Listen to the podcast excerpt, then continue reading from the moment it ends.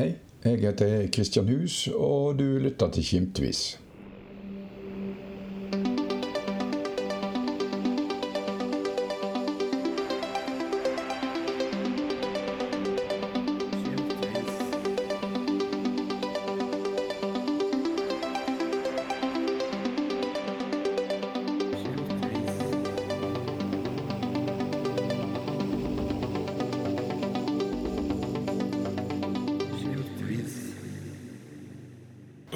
Ja, jeg var nede i, i verkstedet i Austepolen der, så Ja, uten, rett utfor tunnelåpningen. Eh, Hadde ar ar- arbeid der, ja. Mm. Hvordan fikk eh, du og dine arbeidskamerater vite hva som hadde skjedd? Nei, da husker jeg ikke, men eh, det kom jo beskjed til oss. Det ble nå en voldsom aktivitet av folk og, og biler og snakk. Så vi, på en eller annen måte fikk vi beskjed, men hvordan jeg Ja, fikk vel vite det via Nett kan ikke jeg greie på. Måtte samle redningsutstyr og alt og komme oss oppover. Dette var på fredagskvelden. Fredag Nei, fredag ettermiddag Eller fred, formiddag ett-to-tida. Mm. Vi var ikke gått hjem fra jobben klokka tre. Men eh, gikk det lang tid før redningsarbeidet kom i gang? Altså opp her til, som vi sitter nå, til taubanen. Det kommer jo opp ja, relativt fort. Mm. Men det var litt av en jobb, for ned veien var det jo eh, Måtte gå halve veien omtrent. Det var Mm. snøras og ikke brøyter. Ikke prøvde jeg opp med en sjovel. Vi kom opp til taubanen. Og der var det iallfall for min del stopp. Og mange andre. Taubanen, det er her vi sitter nå? Ja, ja. Ja, Ja. Mm. Mm. ja det kom ikke videre? Nei, ikke med, men eh, hva tid da kan jeg ikke huske. Men eh, det er de, de tøffeste fjellfolket det jo, var jo linjebyggerne i gamle dager. Det var jo på fjellet i vær. Så Sigurd Aure eh, og Lars Engtrø og en fra Jondal som jeg ikke har navnet på, de gikk oppover om kvelden. I, skulle prøve å ta seg opp. Mm. Det var en knallhard tur, fortalte de. Men var det noe håp om at det her var overlevende da? Da var det jo selvfølgelig, så en ikke hadde avgjort hva som hadde skjedd. Eller Mm. funnet ut av det. Mm. Jeg tror det var Jan Viveli som kom ned og ga beskjed. Han hadde sklidd eller nedover i, på, i snøfonnet og kommet ned her. Det var jo telefon her på taubanen. Jeg kan jo et eksempel på hvordan været var. Eh, Taubanetårnet var jo 15-20 meter høyt, kledd med bølgeblekkplate. Så sikkert var satt skikkelig godt fast. Men de lå ned gjennom veien her. De føk. Mm. Vi fikk de nesten i trynet her nede. Ja. Flekt de av. Og de tilkalte jo et redningshelikopter utpå kvelden. Det jo, dette var jo 9. januar, så det var jo bekmørkt tidlig på dagen. Og øh, han eh, Byggstøl, fykeren, husker navnet på han, han sa han hadde aldri vært ute i verre vær. Han logga orkan over, så det var jo i grunnen bare tull å komme med et helikopter. Mm. I snøstorm og orkan her. og det, det, De kan jo nesten ikke lande i godt vær her oppe engang. Ja, han returnerte til Bergen? Han for hjem igjen til Stavanger, eller hvor basen Han Mm. var bare å vende. Mm. Mm. Jeg, kjenner til eh, noen av de som gikk oppover her om natta, og du snakket om disse bølgeblikk som lå Som holdt på å få det i trynet. Ja, det var jo nesten utrolig at ikke noen ble skada av det, men det gikk nå bra. Mm. Men det gikk eh, lang tid før, eh, før den første ble funnet. Det var sju i alt som for. Ja, vi for jo hjem igjen om kvelden, og jeg våkna tidlig om uh, lørdags morgen. Og var ikke med de første som for oppover på lørdag, men eh, utover dagen så ble det jo mer og mer folk. Det var enormt mye folk som kom ifra hjelpekorps og alle eh, Kom han Simones fra Bergen, men da vet ikke om det var lørdagen utpå dagen antagelig. Han kom med en sånn ettersøkshund. Mm. Poli politifullmektigen. Ja, han var politifullmektig fra Bergen. Vi hadde vel ikke noe Og, og lensmannsbetjent Høyland her i Han tror jeg òg hadde en hund med seg. Jeg er ikke helt sikker, men Mm. da vet kanskje du. Jo, jeg, jeg var med i den patruljen som gikk Ja, om natt. Du var med, du gikk opp tidlig, eller om natta faktisk talt. Du, du var i hjelpekorpset i, ja, i ja da. Rosendal. Og da, um, eller i Kvinnherad, og, og da hadde Kjell Harald eh, denne hunden med seg. Ja. Men det var et forferdelig uvær. Men den hunden var ikke til noe hjelp da? eh. Nei, det var ikke en typisk ettersøkshund. Nei, nei. Og så eh, gikk natt til lørdag, og, og utpå lørdagen da så ble den første funnet. Ja, det var vel et godt stykke ut på lørdagen. Og jeg kan jo fortelle hva, hvor kaotisk det var. En eller annen hadde båret opp gass- og surstoffflasker. For Dette var jo et, et bygg av stålbjelker mm. som var trykt i sammen.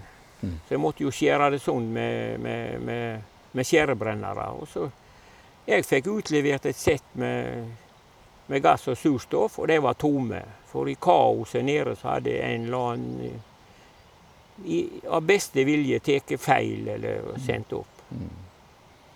Altså utstyr eh, og ja, hjelpeutstyr og den type ting, den, det var ikke bra for 50 år siden. Nei, men i, sånn, kaotisk så skjer det jo alltid. Mm, Det går ikke alltid til boka. mm. Alle var innstilt på å hjelpe, og det kom masse folk. Til og med hjelpekorps ifra Var ikke det Norheimsund de kom da? Ja, Mm, mm. Ut, utenom Kvinnherad. ja utenom Kvinnherad. Hva gjorde denne ulykka med folk her i Mauranger? Nei, det er vel veldig individuelt. Familiene ble jo selvsagt prega av det. og Det er så litt eh, forskjellig fra i dag. Det, ettersom mandagen, tirsdagen gikk og kistene var kjørt vekk, og alt, så var det jo bare å gå på arbeid som vanlig. Eh, Men hva familiene sleit med, da, vet vi ikke noe om. Det var selvfølgelig forferdelig eh, trasig. Jeg, ve- jeg vet at folk sier at han eh, sogneprest Leif Sjursen han, var, han har fått veldig mye skryt i etterkant for en, for en fantastisk omsorgs... Og folk som gjerne ellers ikke går i kirke òg, jeg vet ikke. jeg. Mm, mm. Han var Noen, eh, er, noen snakker om sånt, ulykke, og andre de murer seg inne med det. I ettertid så har det vært spekulert i hvorfor denne, dette anlegget ble plassert der som vi ser nå. Ja, etterpå det, det Flere og flere sier at eh, de hadde fått beskjed om at der må ikke stå noe, for det er rasfare. Eh, Det vil ikke jeg dømme noen for, men jeg vet eh, Anleggslederen har tatt litt sjølkritikk på det. Det er jeg temmelig sikker på jeg har hørt om. Mm. Men eh, det er helt klart at her oppe var aldri folk om vinteren. bygdefolk. Mm. Ingen har vært oppe her om vinteren. Men det som en ser om våren, da, er at det er jo stappa fullt i snø her. Så ligger gjerne hele sommeren nede av gjeldet. Og da er det klart det har gått ras. Mm.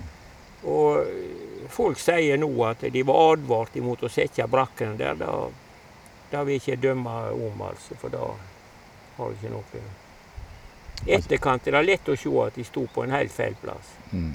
Hva var det de arbeidet med? Var det en tunnel, eller? Ja, det var tunnelen mot Bondhusbreen. Mellom Musevatn og Bondhusbreen. Mm. Så de var kommet så vidt i gang med å drive inn. Jo. Okay. Hvor lang skulle den tunnelen være?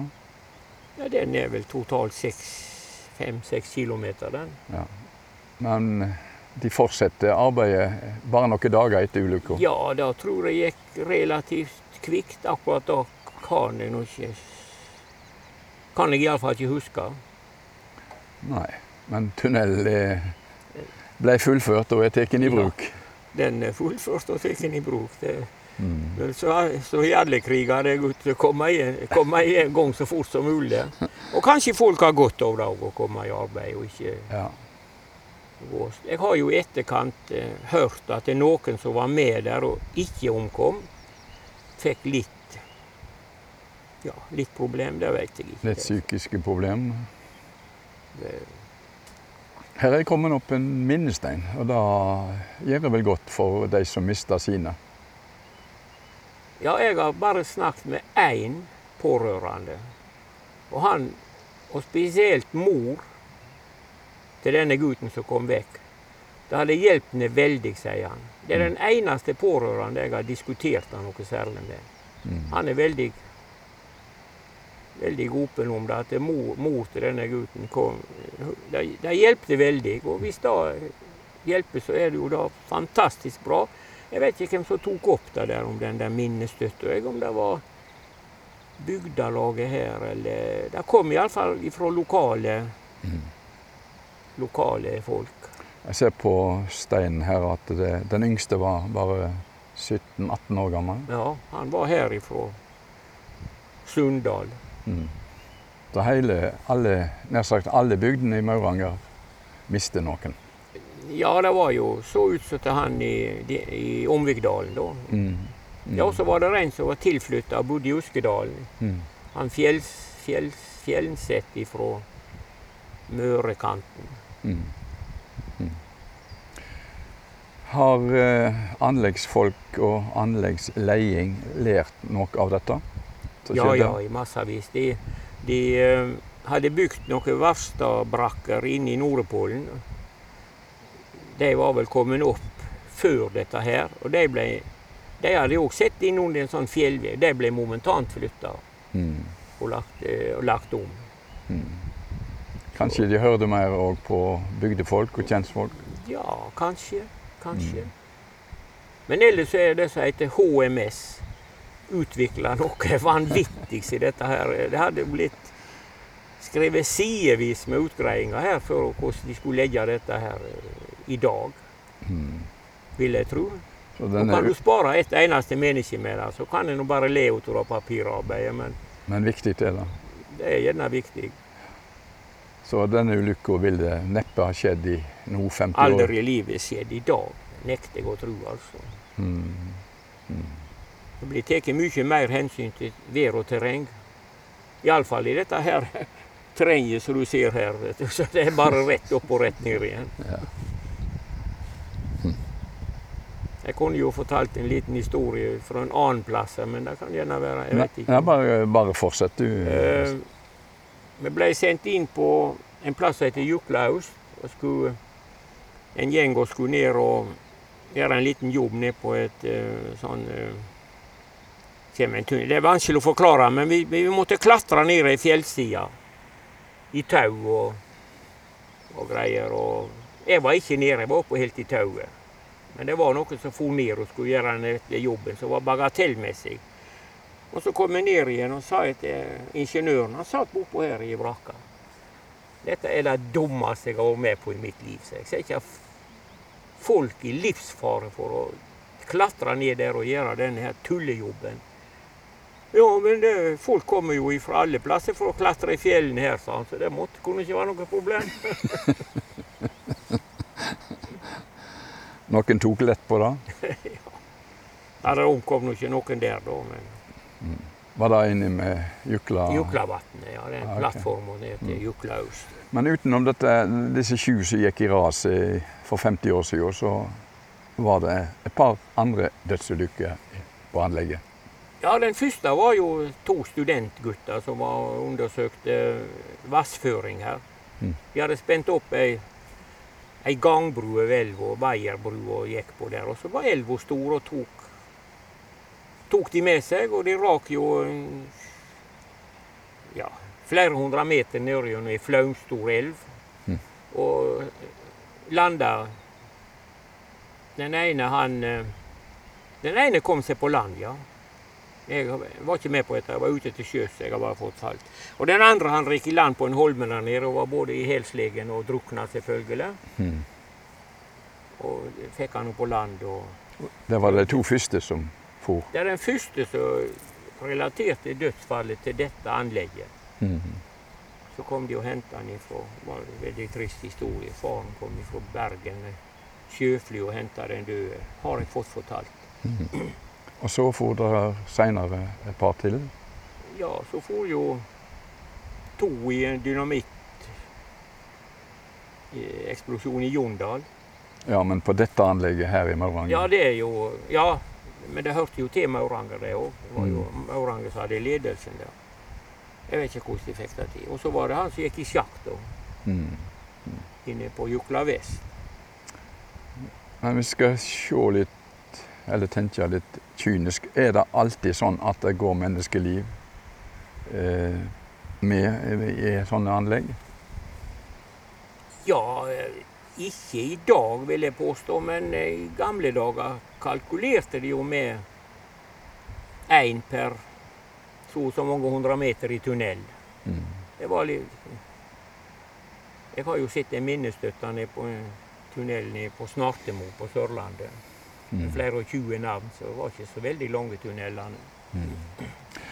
Ble det noe rettssak og, og sånt etter denne ulykka her?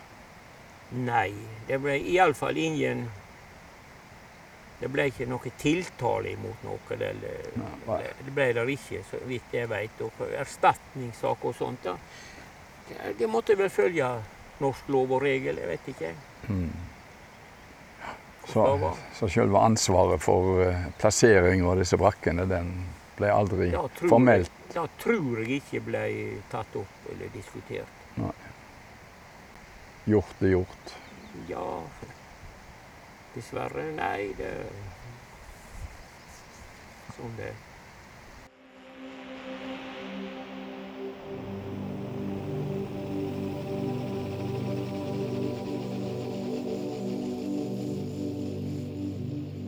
Du har nå hørt eh, Johannes Bondus fortelle om rasulykka i Mauranger for 50 år siden. Saka er òg omtalt i den nye boka mi, 'Skimt fra livet og lokalmiljøet gjennom 80 år', som nå er i sal. Klikk deg inn på skimtvis.no og les eller hør flere lokale saker. Takk for at du hørte på. Abonner gjerne på podkasten i podkastappen din, og finn flere intervju og andre saker på nettstedet skimtvis.no. Der kan du òg melde deg på Nyhendebrevet, så får du melding om nye saker på e-post.